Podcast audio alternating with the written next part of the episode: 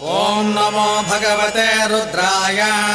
ॐ नम् नमस्ते रुद्रमन्यवभूतोतयिषभे नमः। नमस्ते अस्तु धन्वने बाहुभ्यामुतते नमः।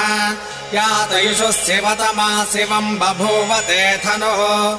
शिवासरव्यायातवतया नो रुद्रमृणय। याते रुद्रशिवा तनोरघोरापापकासिने तया नस्तनुवाचन्तमया गिरिशन्ताभिषाक Om Swastiastu. Setiap agama dan keyakinan pastinya memiliki atribut suci yang dihormati oleh para pemeluknya. Agama Hindu pun demikian. Hindu memiliki segudang tanda-tanda dan atribut suci yang dipakai oleh umat Hindu di seluruh dunia. Tanda-tanda suci ini yang disebut Cihna Lancana oleh para leluhur Hindu Nusantara ada beragam dan sangat unik sekali. Ada baiknya jika kita sebagai umat Hindu dapat mengenal tanda-tanda suci ini, sehingga kita semua bisa saling menghormati. Dengan mengenal makna dan asal mula tanda-tanda suci ini, maka umat Hindu bisa saling mengerti saudaranya dari belahan lain dunia, dengan adat istiadat berbeda dan dengan tata cara pemujaan yang berbeda pula. Hindu Times berdiri pada tahun 2014 sebagai media cetak edukasi umat Hindu. Hindu Times telah berusaha memberikan konten-konten sejarah Hindu, kitab suci Weda, Dharma Wacana, dan kisah-kisah Purana dengan tetap mengedepankan toleransi, kesesuaian dengan kitab suci Weda, serta keharmonisan dalam beragama. Untuk mendukung kiprah kami dalam menyebarkan kabar Dharma, kami mengundang partisipasi Anda untuk like, komen, dan subscribe, serta share konten ini kepada sanak keluarga dan orang-orang terdekat Anda.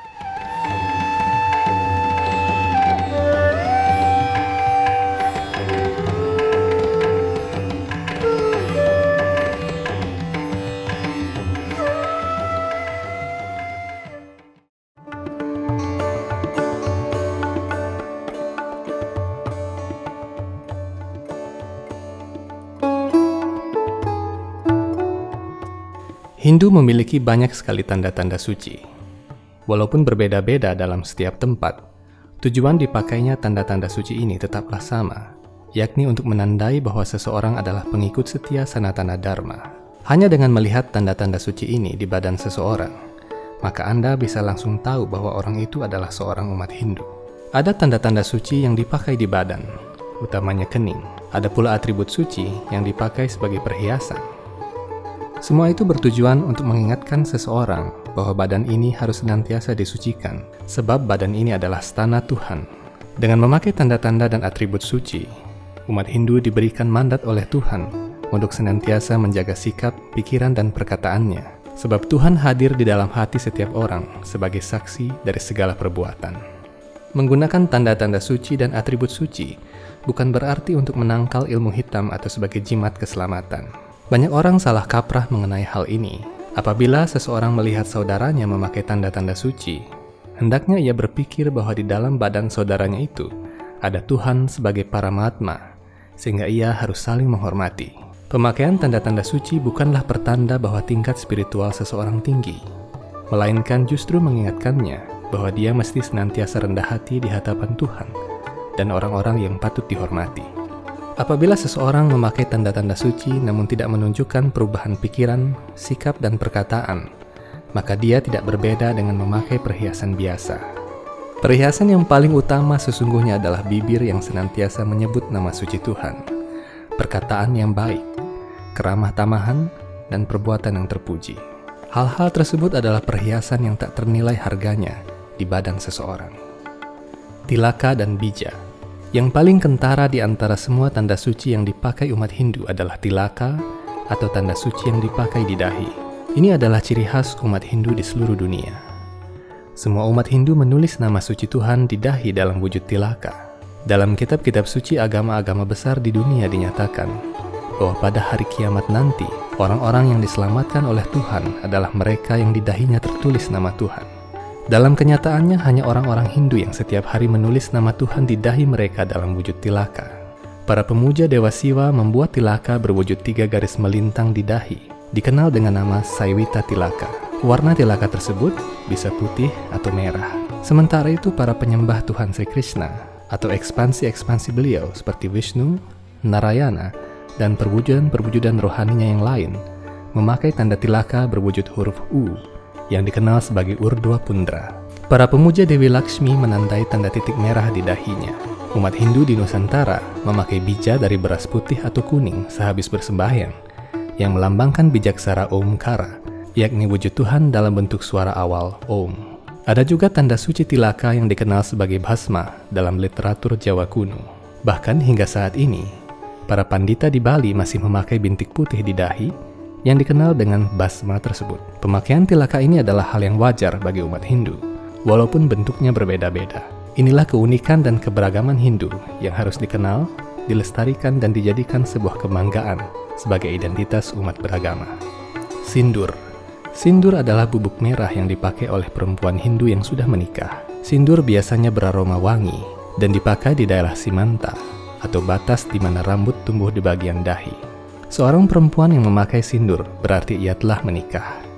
Tradisi ini berasal dari Weda sendiri dan termuat dalam kitab hukum Manawa Dharma Sastra.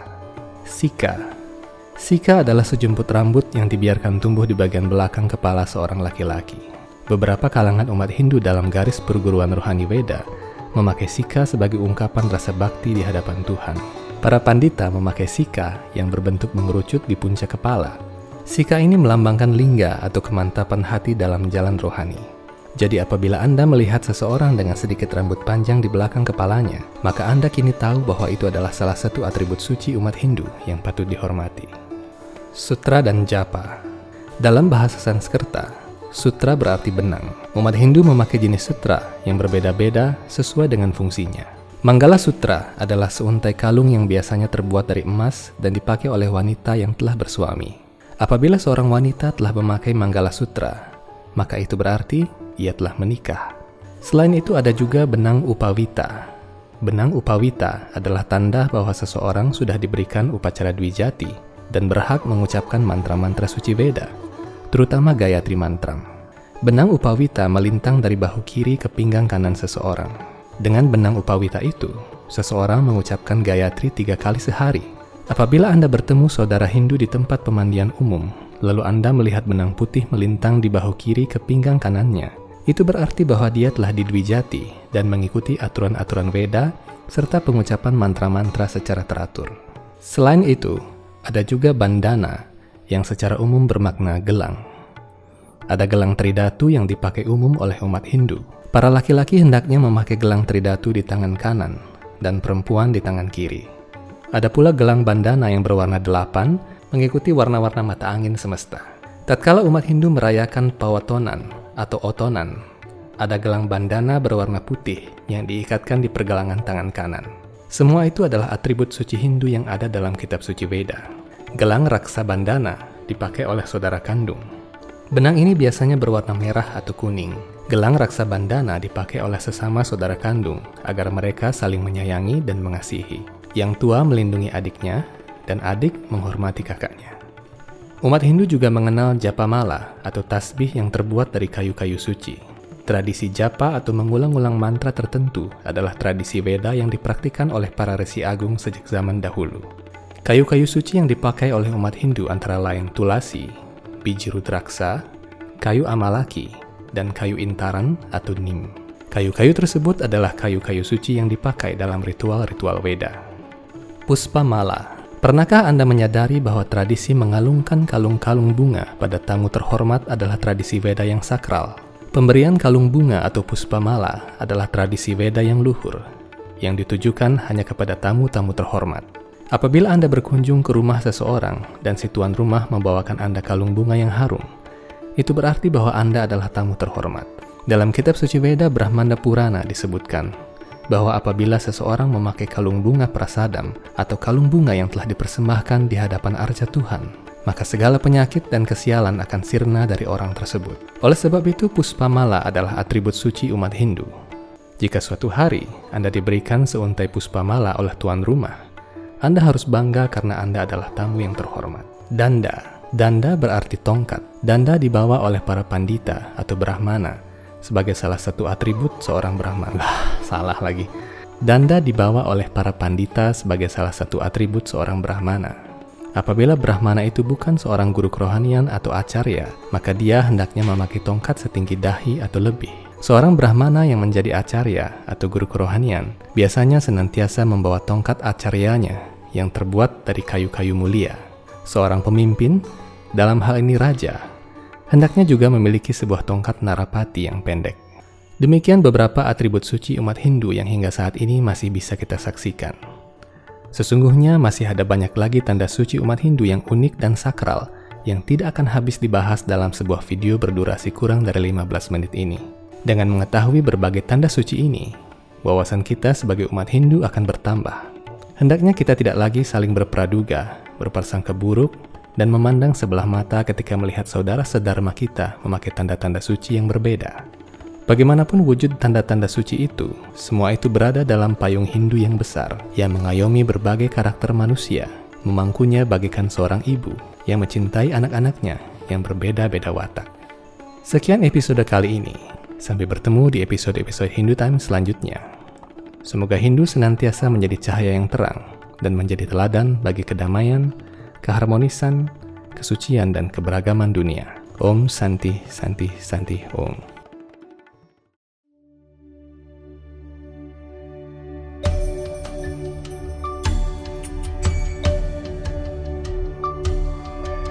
मङ्गलं भगवान् विष्णु मङ्गलम्